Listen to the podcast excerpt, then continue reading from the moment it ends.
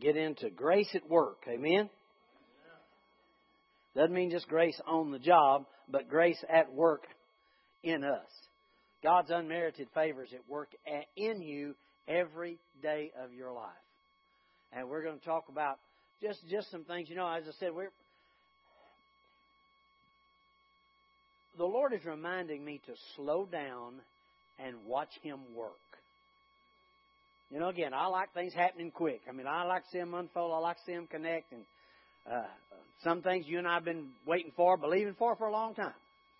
And we're going to continue to believe for them, right? But He daily loads us with His benefits.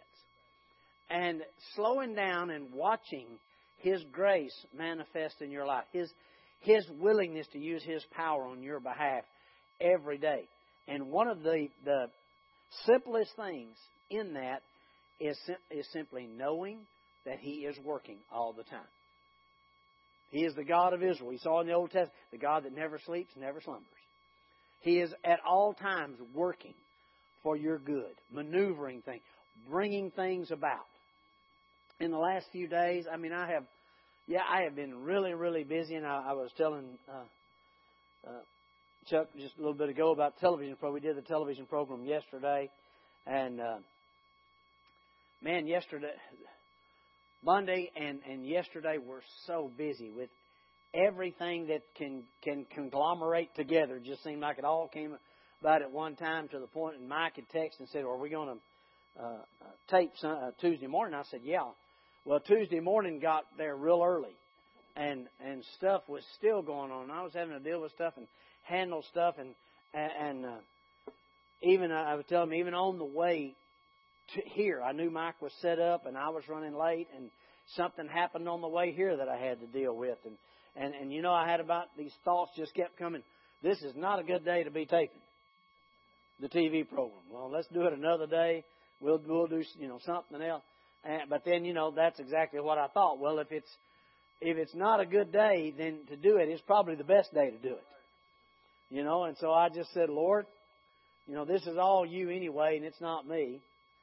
And I've got a lot of things going on, and I'm just going to lay those things aside, and I'm just going to let you say today what you want to say. And that's what I always do.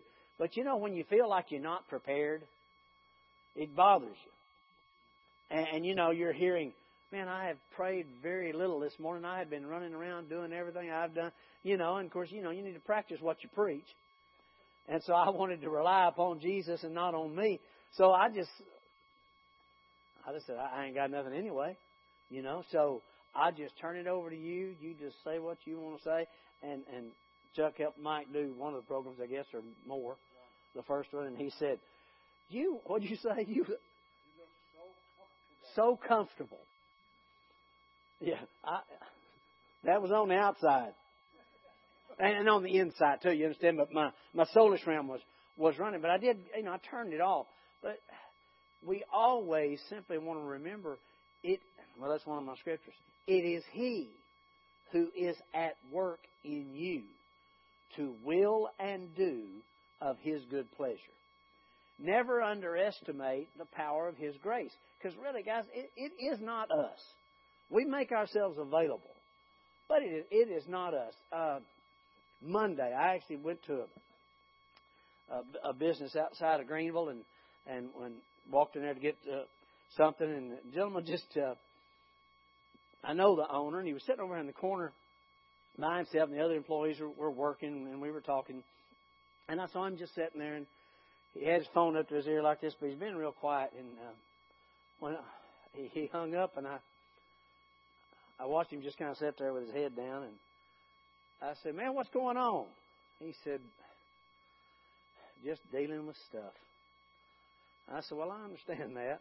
And he said, "Well," he said, "My mama is, she's ninety something years old and said she's and he just went through all of that and all the stuff. And he said it's just you know it's just really wearing me out. And he said I don't know what to do. And uh, he said I he said well I'll be honest with you. He said you know I really think she needs to go to heaven but I feel guilty about wanting her to go well I just opened the door there I said man at 90 something years old don't feel guilty about wanting Mama to go to heaven. Heaven's a real place. And so we got to talking about it and sharing. Well, and he started opening up and, and talking to me about it. And he said, I, he said, he said, I actually prayed the other night. And, and he's a Christian, don't get me wrong, because you don't say the things he said without, without being born again. But, uh, he said, I prayed the other night and he said, Lord, just take her. Eh, you know, if it's time, if it's her time, he said, just take her. And I said, well, let, let me tell you. I said, the Bible says life and death in the power of the tongue. And I said, we have the we have the right to stay here or leave just by our words and what we believe. And I said, you know, if if your mama's in that bad a shape, I said, you just let her know that it's okay for her to go on. Because I promise you, if she's in that state, she's seeing the other side. You know, the Lord's ministering, and I said, she because I said, we have testimonies in our family of people that just knew they were going. And then we have testimonies of people that were staying here because of us. And we, we told them, I mean, Darlene told her mother, uh, Mama, just go on. Don't, you don't have to stay here. Just go on. And in a matter of hours, she was gone. Our, our mother, uh, she had been in that nursing home up there and for a couple of years, I guess, had she Colleen? Had been that long? And, and then she'd got her body just deteriorated. She'd finally got where she wasn't who who mother always was, and and uh, we had talked about it. and We said, you know, we're just going to believe her to go on. And so I think Colleen mentioned it to me or something. And I said something about, well, I'll go by and, and tell her. And I think they told her that it was okay to go. And I went by there one afternoon about I don't know what time it was, and uh, she was laying in that bed. And I just walked over. I said, Mother, there is no reason for you to stay here for us. You just go on. I mean, if you're if you're ready to go, you go. Well, it wasn't just two or three hours. They called us from the nursing home and said your mother's passed away. You know, it just y- y'all did basically the same thing. Yeah, let's go. Yeah, yeah. I uh, uh, we have a friend that's in heaven now, but she lived there in town, lived across from us for years. And a lady, we went to the Pentecostal church with her, the Assembly of God church that Beth's dad pastor here. We went to church together there. Well, years ago, her kids came down on Thanksgiving. And uh, they told her, they said, they sat around, all of them gathered at her little house there on, on Greenville Street. And uh, looking at her furniture, and they said, I don't remember what they called her, me, mom, mom, whatever. They said, we've got to get you, Miss Stark. I said, we, we've got to get you some chairs. We'll just, we'll get you some some dining chairs for Christmas. She said, I won't be here Christmas. And they just passed it off, and they said, "Oh, that's fine." She said, "No, listen to me. Jesus has already told me He's coming to get me for Christmas." I was it Christmas Eve, day before Christmas Eve, I think. They went check on. She's gone. Fine, you know, doing fine. The Lord is at work in us to will and do of His good pleasure, and He knows every situation in life. He knows He knows when you're wanting to do this, needing to do this. He, and He's always, the Holy Spirit is always at work in us. We are trusting people when it comes to our Lord. We trust Him. And I'm not, you know, I'm not talking about, well, the Lord's getting ready to, for you to go home. There's too much stuff for you to do here. Don't be. I, I said I, what I've been saying to everybody else. Unless we all going together, going together, y'all be staying here for a while. Okay, we got stuff to do. We don't need to be going. But let me give you some scripture so we'll feel like we've been in church. Romans eight and twenty eight says, "For all things." Oh, come on, half of you people grew up Baptist. You know what that says. For all things work together for the good to them who love the Lord, to them who are the called according to His purpose. And we used it wrongfully you know, we put it on catastrophes and calamities and horrible situations and said, well, God's allowing that to happen for all of this to come about. And no, that's not the way it works. But for me and you who trust in the Lord, anytime something bad happens, we know some way, somehow, He's going to bring good out of this. He did not cause the bad. He did not allow the bad. The bad is a violation of the will of God. But one thing is, you overcome evil with good. That's what our God does. So we get to know.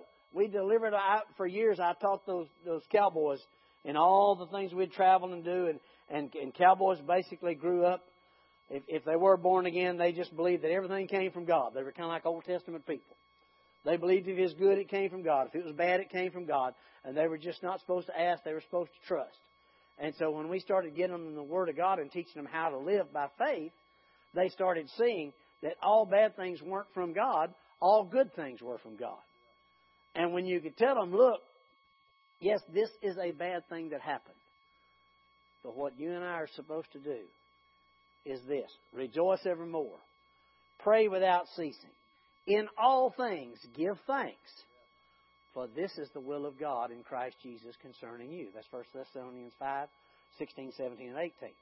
Well, people would misinterpret that and they would say, well, see, rejoice evermore, pray without ceasing, in all things give thanks, for this is the will of God in Christ Jesus concerning you. It didn't say what you were in is the will of God. It says that no matter what you're in, it's the will of God for you to rejoice evermore, pray without ceasing, and in all things give thanks. Why? Because He's your Redeemer.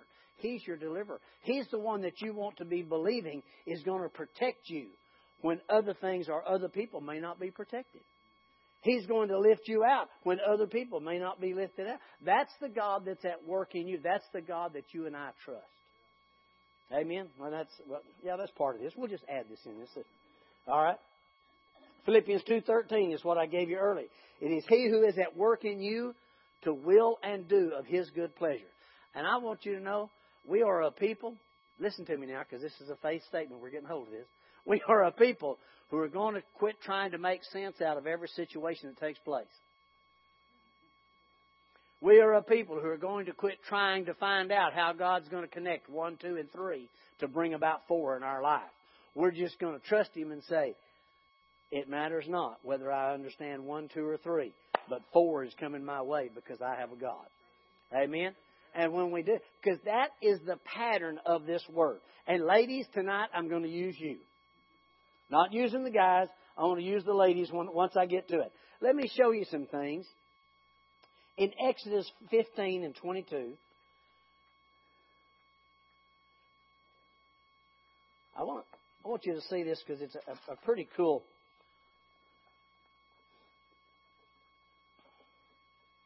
Hadn't got to the ladies part. This is for everybody right now, but I'll, I'll use the ladies here in a little bit. Exodus 15 and 22.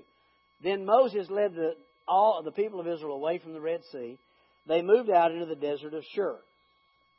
They traveled in the desert for three days without finding any water. When they came to the oasis of Marah, the water was too bitter to drink. So they called the place Marah, which means bitter. Then the people complained, turned against Moses.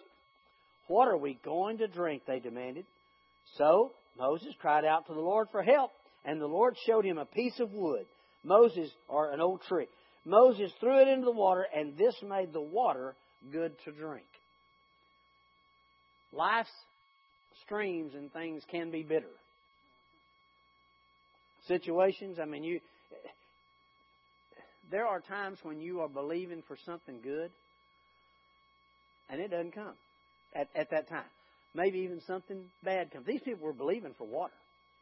And when they, you know, when they saw the water, they were excited. But when they got to it, it was bitter. Well, Moses cut down the tree, put it in the water, made the water sweet. That's simply an example of the cross. There are things in life that might be bitter, but the cross, Jesus was hung on that, that piece of wood, and that piece of wood can make our life sweet. No matter what's taking place, do not give up. Just because it's that way right now, don't say it's always going to be that way. The devil will remind you of all your failures and how much of a habit they were or are. Okay? But it's that tree or that wood or that cross, what Jesus did, that's going to change your situation. And don't you give up and don't you quit. And don't you let the devil establish a pattern of thinking that matches the pattern of your past experiences. Do you Amen. Being Christ is a new creature, right? So don't let the, well, I've just always been there. Well, you know, I've just always been where I just almost got what I wanted. I never quite really got what I just almost. get rid of that thinking. Lay that aside and remember the cross. Jesus paid the, when he said it's finished, he meant it's finished. He did it all. All right? Well, yeah, but I caused part. It doesn't matter who caused what. Doesn't, Whatever your past is, whatever it just said, no, I am a victorious individual because greater is he that's in me than he that's in the world. Amen? Now, let me show you. I'm going to run quickly through these things. Second Kings chapter 4.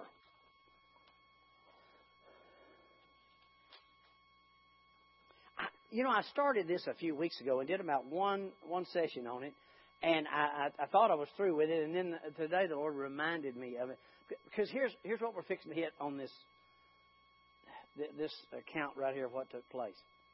Well, I'm not going to tell you. I'm going to read it first. Second Kings chapter four, over in uh, verse thirty-eight. Elisha now returned to Gilgal, and there was a famine in the land. One day, as a group of prophets was seated before him, he said to his servant, Take a large pot, put on the fire, and make some stew for the rest of the group. One of the young men went into the field to gather herbs and came back in a pot with a pocket full of wild gourds. He shredded them and put them in the pot without realizing they were poisonous. So some of the uh, stew was served to the men, but after they had eaten a bite or two, they cried out, Man of God, this portion of this stew there's I'm sorry, there's poison in this stew. So they would not eat it. Well, Elisha said, Well, bring me some flour. Flour represents bread. All right? Bread of life. That's Jesus. Then he threw it into the pot and he said, Now it's all right. Go ahead and eat. And then they and it did not harm them.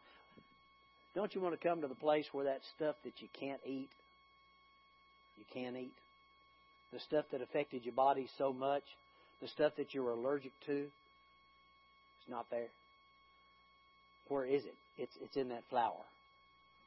It's the flour in that or the bread of life in that mixture that'll change that stuff in your life. I know some of you, and I've got a couple of things in my life. They're minor, but but I know many, so many people have so many things in their body, and and you've had to take medicine forever, or you've had to not do this or not go here or not have that because of that. And I'm telling you, do not give up on what God has put in you. Because I, suddenly, maybe after 30 years, it's gone. That'd be all right, wouldn't it? Suddenly, after 30 years. Why? Because He is at work in you to will and do of His good pleasure. You, I'm telling you, the Lord. He might tell you to. Now, when I said he might tell you, you might develop a desire to eat a certain thing. And you start eating that thing, not knowing why you're eating it, and that thing go into your body and fix the thing that you've been dealing with with the doctor and everywhere else for years, and God fix it just like that. I don't mean He can't just do it miraculously. Certainly, certainly He can. He can do it lots of ways. But these bodies are wonderfully made.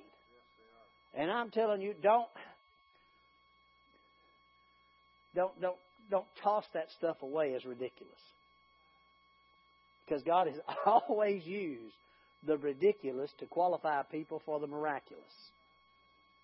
So when He speaks something to you, and whether you know it's Him or not, if you just, we, we have a, uh, young young lady. They, they, the family's moved away no longer here, but she had a really horrible wreck years ago, and uh, we knew. We know the Lord warns us of situations. Doesn't mean we've avoided every one of them, but He warns us. Why? Because your spirit man knows. So through that situation, she almost died, and she was in surgery and all these things, and not all these things took place. Well, after about six months, after she was out and whole and well and back to where her mother asked her one day, she said, I need to ask you something. She said, I've been praying over this for months. She said, that day of the wreck, was there anything that you know now that you might have missed? Something your spirit said to you? She said, Yeah, I do. She said, What was it? She said, I stopped at a stoplight, and she said, as I sat at that stoplight, I looked right down the street, and there was a McDonald's. And she said, You know, I'd like to have a whatever it was from McDonald's. I think I'll do that. And then she said, Oh, that's a ridiculous idea. I'll just go on. Went right through the intersection and got hit. Well, again, I'm not saying that every situation has every kind of answer like that. But what I want us to do is to start being so sensitive to the little things. You say, well, what if I miss God? Would you not worry about that? Just, just don't worry about it. Just start depending on the God who is at work in you. Lord, I, I thank you.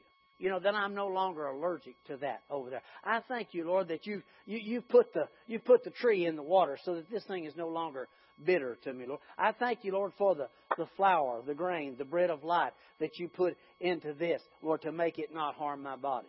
I thank you, Lord. See, He is at work in us to bring about, to, to take us from not quite making it to over the top. And it has nothing to do with past qualifications or present qualifications.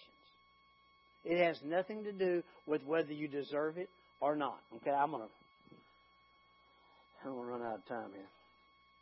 But I saw that I was praying over that deal today, and I, I really believe that might fit somebody here tonight. You know, just just don't get crazy about it and well, I gotta go seek the Lord for the twelve things I'm supposed to eat. No, just just relax in it. You know, so many times, I know for me in my life, it was not what I was supposed to eat, it's what I wasn't I was supposed not to eat. And there was no condemnation in what he told me not to eat. Because my, my revelation from that was I can do that. You know, I told you years ago I'd be be riding along and I'd drinking a Dr. Pepper or eating a piece of candy, and I'd get down to the end of that piece of candy, be one more bite. And and in me I'd think, oh, I need to throw that last bite away. Well, first of all, my upbringing of eat everything that's on your plate kind of messes with that. Okay, my parents grew up during the Depression, so you know you didn't waste food or anything like that. And then the next thing that comes up is, and here you'll hear this time after time. All that won't do any good. That won't. I promise you, if it's unctioned by the Holy Ghost, it will do good no matter how tiny it is. It will do good. And I know that sounds silly. You know, if you're sitting there shaking a salt shaker, and in you says, I need to stop right now, and you stop right now, you just did something. There are no insignificant details with the Holy Spirit. He is at work in you to will and do of His good pleasure. And the cool thing about it is, again, there's no condemnation. If you miss it, you miss it but just be sensitive to what the Spirit of God is saying to you. All right, now, remember that the God that you serve does not forget. I'm not going to go there much, but from Genesis 28, where Jacob had the dream and the ladder was set up between there and heaven, and he woke up and he said, If God will bless me, he, he made God come out first, which is a understanding we need to give a hold of because God will come out first. He said, if God will bless me, if He'll keep me, if He'll prosper me, if He'll make my way right, He said, then I will give 10% of everything that passes through my hand to God. Remember, He said, if God will bless me first. He didn't it to get him to do it. He just said, if God will bless me first. Well, Jacob went from there to uh,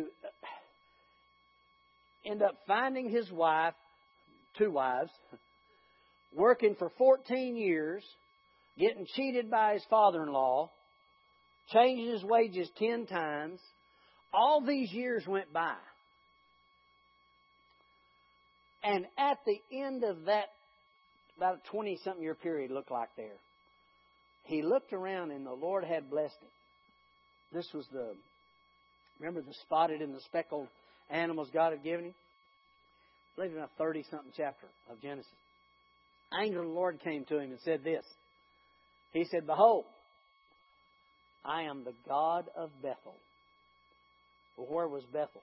Bethel was where he had that dream and he made his vow to God. If God will bless me. And God blessed him. God, and God, in that episode there, the angel was talking to him, and he said, I saw, I saw where Laban changed your wages ten times. I saw what he did to you, but I've blessed you. God doesn't forget the things that you've asked for, the things that you desire, the, the, the, the way your life is going, all those wonderful things. He has not forgotten. He is working behind the scenes. Just stand steadfast and know, wait a minute, he did not forget Jacob. He had forgotten Jacob wasn't even his child, and I am. He has not forgotten me. He's going to bring this about in my life. Now, let me show you. Uh, we know Psalm 34:19 says, Many are the afflictions of the righteous, but the Lord delivereth them out of them all. All right? Yes, I understand some things take time. But look, guys, you know, if we if we go back, I've had things in my life that just came about just like that, and you have too. All of a sudden, kaboom, there it was. You know, it just you think, whoa, and the Lord just did. Then there are things that took a little bit of time. Then there are things that have taken a lot of time. But God has not quit working. He is working behind the scenes, and He's going to bring that stuff about in your life. So do not quit. Well, I just guess God didn't know. You just stay fast. Be ye steadfast, and immovable, always abounding in the work of the Lord. Amen? All right. Many of the afflictions of the righteous, but the Lord delivers them out of them all. In, fact, he's remind, he always reminds me, talk about being delivered, not being, not being persecuted. Talk about the deliverance. Instead, well, many of the afflictions of the righteous. I told you not long ago I had a guy sent to me, he was talking about his wife, and his wife had been sick. He said, Well, you know, that's the reason he puts that stuff on us, so that we'll look up. Uh, I don't have 10 years to teach you that that's wrong. You know, and I just didn't say anything at all, so he just kind of looked at me like he knew I disagreed with him. But God is looking to bring about in your life everything that He has said, everything that you're believing for, fixing your families, your health, your wealth, everything. Does it take some time? Yes, because God has one problem. He's chosen to deal with people. And there are many, I'm telling you what, there are things in your life that are connected with people. And there are certain things that will come about when certain people get into position, and the Lord's working on that. He knows what's going to take place. He doesn't do it, but He knows it. Anything that's going to take place out there, He doesn't do everything, but He knows it's going to take place. And that's what I so much like about, uh,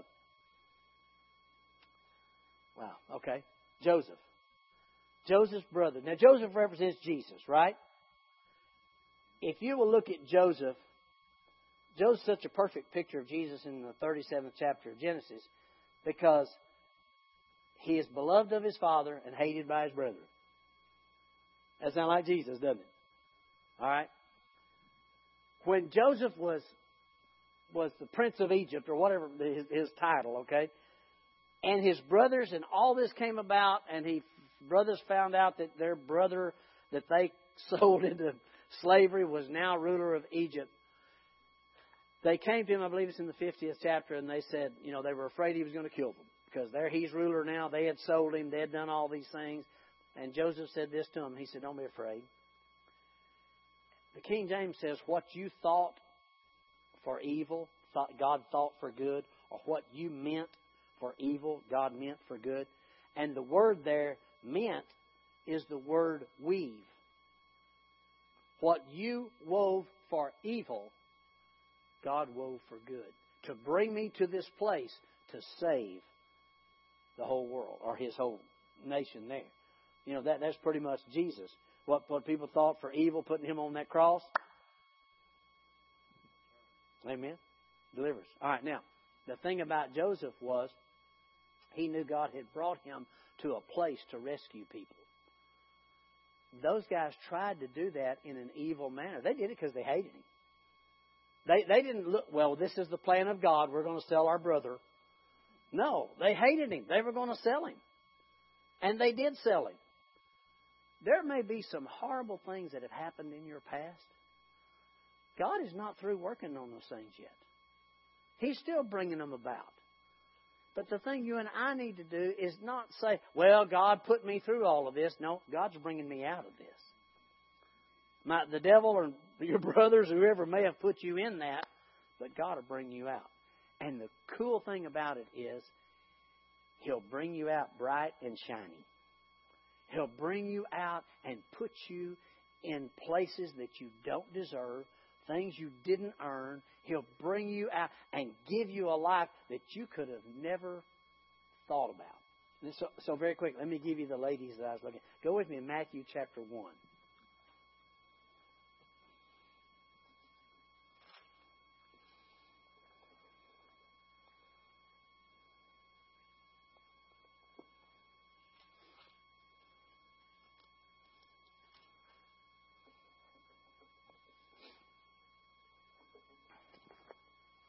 Now, this is not the King James, this is the New Living Translation. Matthew chapter 1. This is the record of the ancestors of Jesus, the Messiah, the descendant of David and of Abraham. Abraham was the father of Isaac. Isaac was the father of Jacob. Jacob was the father of Judah and his brothers.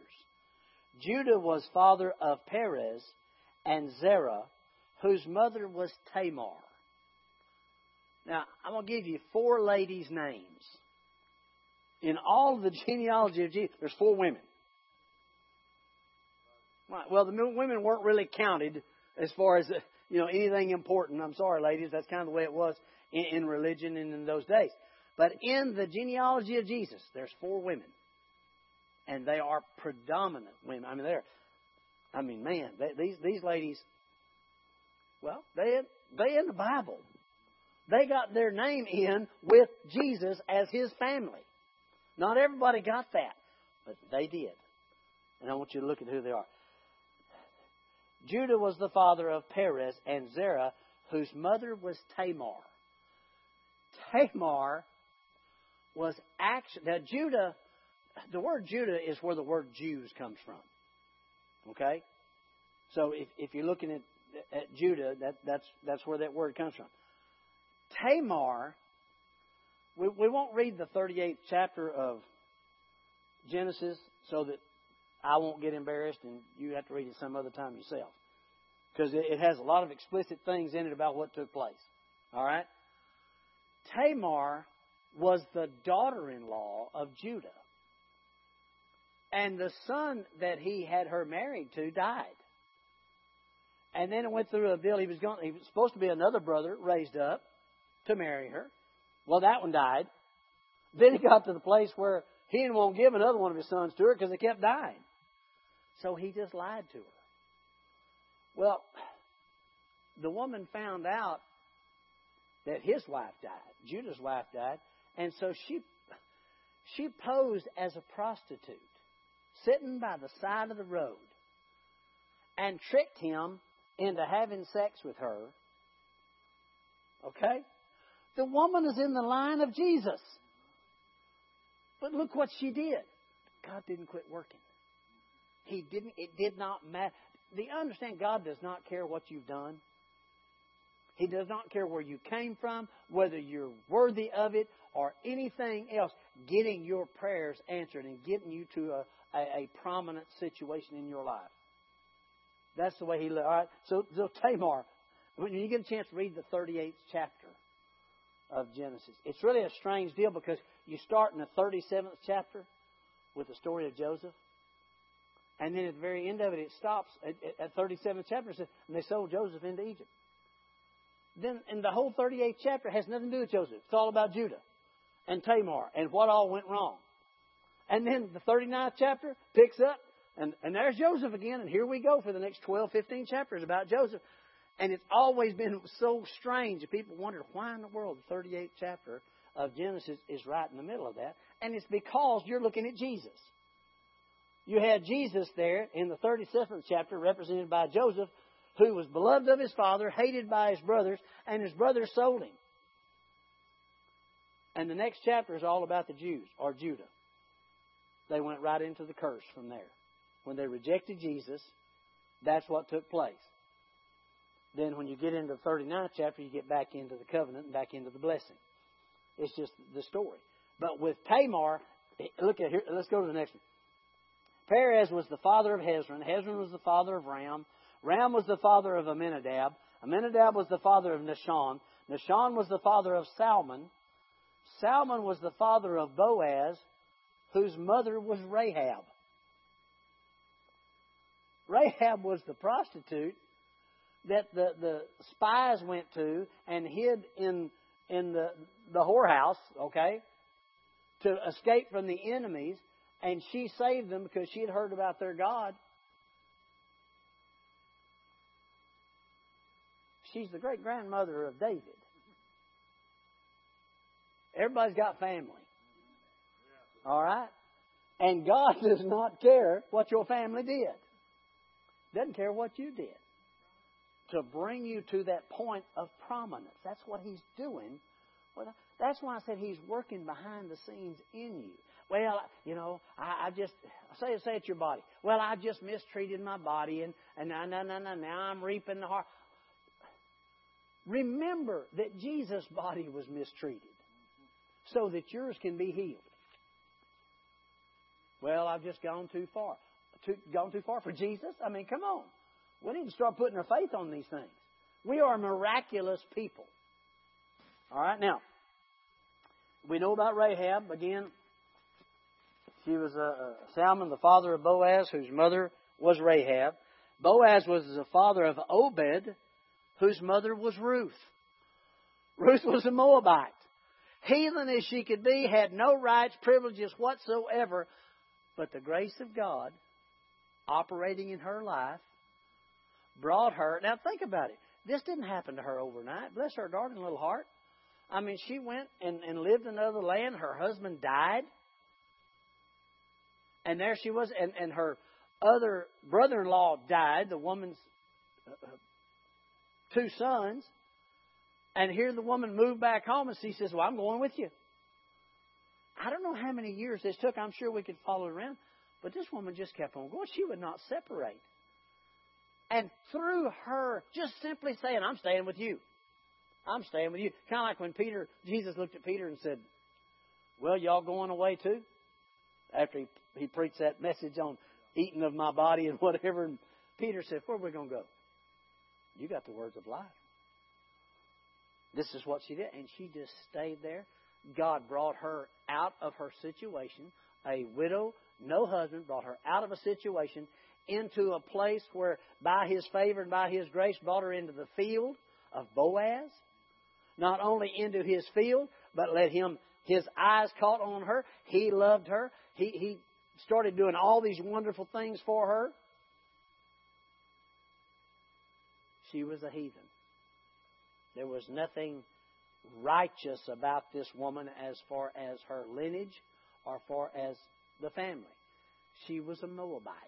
And the, oh, I love this part. If you read over there, one of the laws, one of the laws that was written that God told them right after the Ten Commandments, one of the laws said this No Moabite will ever have any part in Israel. And God put her in the lineage of Jesus. Well, He's always working behind the scenes and what you and I think He's going to do because of what we think with our head doesn't work because He will bring about your good. Right, wait a minute. Let me, let me finish this. Okay. Boaz, the father of Obed, whose mother was Ruth. Obed was the father of Jesse. Jesse was the father of King David. David was the father of Solomon, whose mother was Bathsheba. Not a lot said about Bathsheba, except the bath part. You know, she was taking a bath and David saw her decided he wanted her, brought her to his to his home, uh, had sex with her. She had a baby that died, but then her husband, David, had her husband killed. You think God uses strange people. You think, why? You know, Lord, come on now. Why? Because this is about Him. It's for us, but it's about Him. And He, He's working behind the scenes. I mean, I, I dare you to find anything in your life that's as bad as some of these girls did.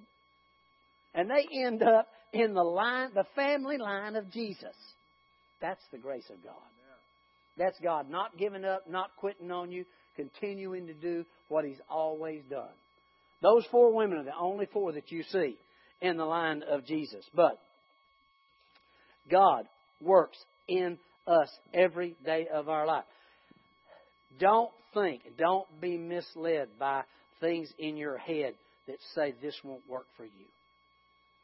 You be led by your spirit. We, you know, we spent too much of our, our church time trying to figure out whether we heard from God or not. Like He couldn't fix a mistake if we missed it. Right? Our heart is not to miss God. We're not trying to miss God. All right?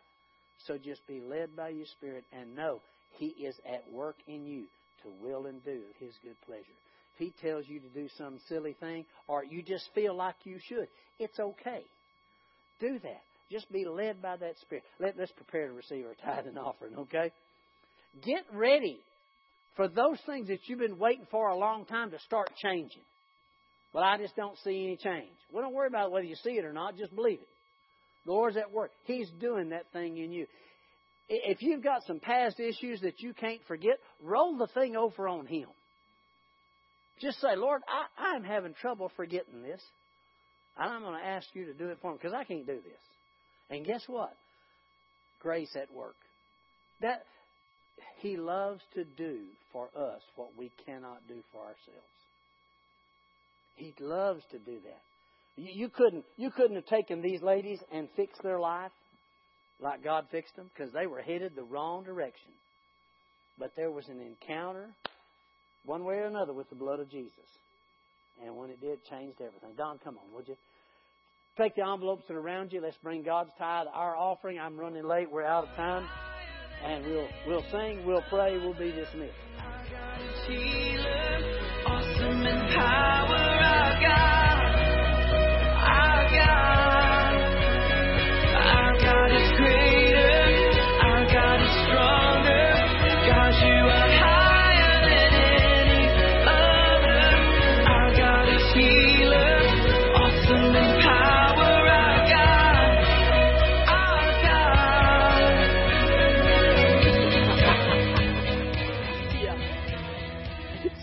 Wasn't married when she had Jesus? he, you know, I mean, come on. Let's stand together. What kind of love is that? That God, the God who knows and sees ahead and doesn't care about what happened in the past. He, he doesn't look at time like we do. He sees the end from the beginning. When he see that, that you know, when he sees it, it's already done. That's how he looks at it. That's why he can say things about you that just. That's why when he appeared to Gideon and Gideon was hiding in the flour mill, the angel said, Behold, thou mighty man of valor. And Gideon thought, What? God sees the end from the beginning. That's why he says who you are in him already. Amen. Father,